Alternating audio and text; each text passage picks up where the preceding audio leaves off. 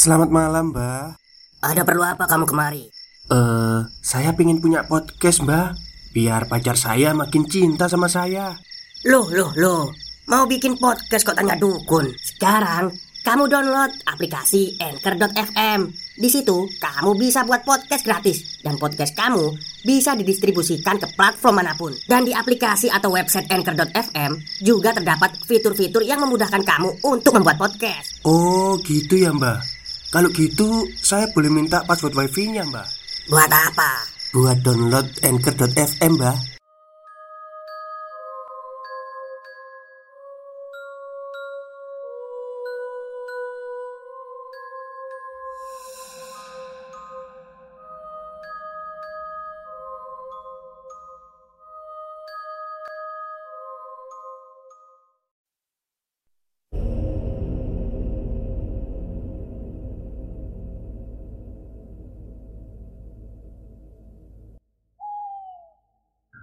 Assalamualaikum warahmatullahi wabarakatuh. Halo semuanya, jumpa lagi dengan saya Chow Sing Sing, kurator dari Podcast Horror Night Story. Halo, apa kabar semuanya? Semoga kalian semua sehat-sehat ya. Dan seperti biasanya pada siang hari ini Saya kembali Dan akan menghadirkan sebuah kisah mistis untuk kalian Kisah mistis kali ini saya dapatkan dari tweet twitternya si pecinta receh Yang menceritakan tentang seorang anak Yang mengalami hal mistis saat berada di rumahnya sendiri. Seperti apa kisahnya? Mari kita simak.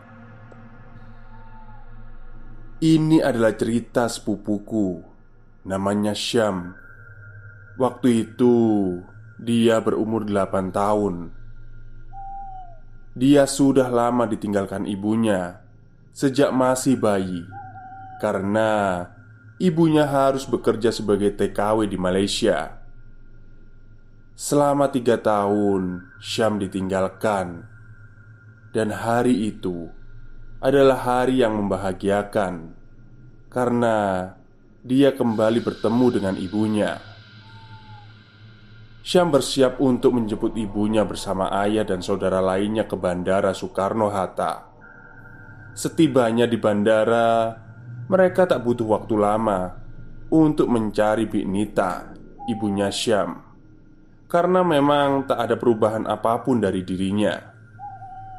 Tangis haru dan pelukan hangat menyambut Bik Nita. Bagaimana tidak? Soalnya selama tiga tahun dia hanya bisa melihat ibunya lewat foto yang dikirim lewat surat. Ya, waktu itu memang tak secanggih sekarang yang bisa video call ketika rindu dengan seseorang. "Syam, gimana sekolahmu, Nak?" kata ibu. Syam menjawab dengan antusias. Memang tak ada yang istimewa dari sekolahnya. Syam menjalani masa sekolah seperti anak seusianya. Mereka pun tiba di rumah pada saat sore hari. Dikarenakan jalanan dari Jakarta ke Bandung memang lumayan jauh Dan banyak jalur yang macet. Syam tetap menempel erat pada ibunya Seakan tak ingin ditinggalkan jauh lagi. Sebelum melaksanakan acara makan-makan Bik Nita berpamitan untuk membersihkan badan. Entah ada dari mana jika ada orang yang sudah dari luar daerah, mereka akan membawa oleh-oleh. Oleh-oleh yang dibawa Bik Nita mulai dari pakaian, makanan, bahkan hal yang lain. Semua isi koper dikeluarkan oleh Om Isnain, suaminya Bik Nita. Dan dia mulai membagikan rata kepada sanak saudaranya. Tak luput Syam pun ikut membongkar isi koper yang kata Bik Nita khusus untuk Syam sendiri. Isinya banyak, berbagai macam barang, dan ada juga mainan yang diinginkan oleh Syam sejak dulu. Namun, ada suatu barang yang memang tak pernah Syam ketahui. Ia pun hendak menanyakan kepada ibunya yang saat itu sedang berada di kamar mandi. Syam berlari ke arah kamar mandi yang letaknya ada di belakang dekat dapur. Memang lumayan megah rumah itu, sebab siapa pun orang yang bekerja di luar negeri bisa membangun rumah mewah, beda dengan tetangga lainnya. Ketika berlari, ia tiba-tiba melihat ibunya masuk ke arah gudang namun bukan lewat pintu, melainkan menembus tembok. Ia yang terheran terus bertanya-tanya, "Mama?" Ia terus memanggil ibunya, tapi tak ada jawaban. Lalu ia memutuskan untuk memasuki gudang. Tampak gelap di dalam gudang itu, soalnya lampu di sana belum sempat dipasang oleh ayahnya. Namun, dia masih bisa melihat cahaya remang-remang dari ventilasi udara dan kaca jendela kecil yang berada di atas bagian gudang. Syam nampaknya melihat ibunya sedang berdiri membelakanginya. "Mama, mama ngapain? Bukannya tadi main? Kok di sini sih?" Syam masih bingung kenapa ibunya masih tetap mematung dan tidak menjawab tanya anaknya. Lalu Syam teringat benda yang ingin ditanyakan. Ia menghampiri ibunya sambil menyodorkan benda yang ada di tangannya. Syam semakin kesal karena pertanyaan dan ucapannya tidak digubris sedikit pun. Ia langsung lebih mendekati ibunya. Tiba-tiba, apa yang dia lihat bukan ibunya Tampak jelas itu memang bukan ibunya. Tubuhnya memang sama persis, namun yang menjadi beda adalah wajahnya yang rata seperti tembok. Stop, stop, kita break sebentar. Jadi, gimana? Kalian pengen punya podcast seperti saya? Jangan pakai dukun, pakai anchor, download sekarang juga gratis. Syam langsung terduduk karena mengalami shock yang berat.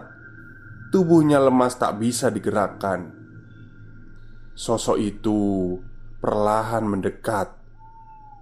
Baru pertama kalinya dalam hidup, Syam melihat hantu, bahkan menyerupai ibunya yang tanpa wajah. Sosok itu mendekat seperti melayang Sebab ketika Syam melihat dari duduknya itu Hantu itu tidak menapak Syam berteriak dengan keras Mencoba untuk mengusir hantu itu Dengan tepisan dari tangannya. Tapi semua usahanya tak membuahkan hasil. Sambil menangis dan berteriak Syam akhirnya menuju pintu gudang Dan terus menggedor-gedor pintu. Mama, tolong mama Gedoran pintu dan teriakan Syam semakin menjadi. Saat makhluk itu kini sudah berada dekat dengannya. Sosok itu sudah memegangi lehernya Dan mencoba menyekiknya. Mama! Tangan sosok itu sudah mencengkram lehernya Dan Syam mencoba melawan cekikan itu dengan memukul dan mendang-nendang. Tangisan Syah mulai meliri.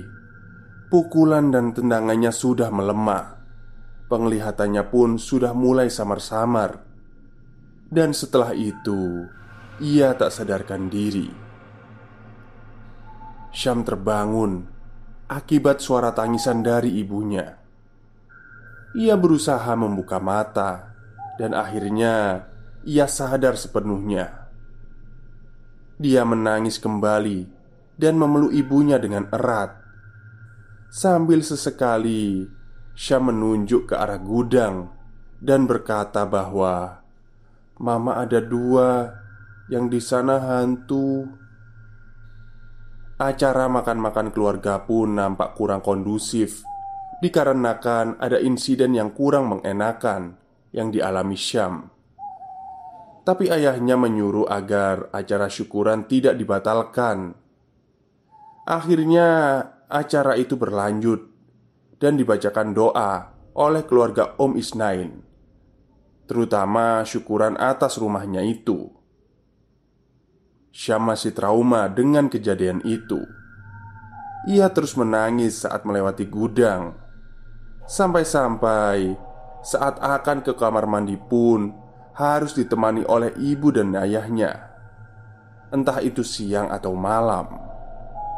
Tapi setelah rumah itu didoakan oleh sanak saudara, tak ada kejadian aneh yang menimpa Om Isnain, apalagi Syam. Namun, Syam berkata ketika melihat dari luar rumah, di lubang ventilasi bagian gudang, dia masih sempat melihat wajah rata dari hantu itu. Tamat. Baik, itulah cerita pendek pada siang hari ini ya. Jadi hantunya ini memang berasal dari rumahnya Syam sendiri, bukan uh, dibawa ibunya dari luar negeri ya, dari Malaysia enggak. Jadi hantunya itu memang ada di rumah itu, cuman kok momennya kurang pas ya untuk menakuti Syam gitu ya. Seharusnya kan itu momen bahagia. Syam bertemu dengan ibunya yang sudah lama menjadi pahlawan devisa di sana, tapi kok malah jadi seperti ini. Ya, saya salut sih untuk Syam. Oke, mungkin itu saja cerita pada siang hari ini. Kurang lebihnya, saya mohon maaf. Wassalamualaikum warahmatullahi wabarakatuh.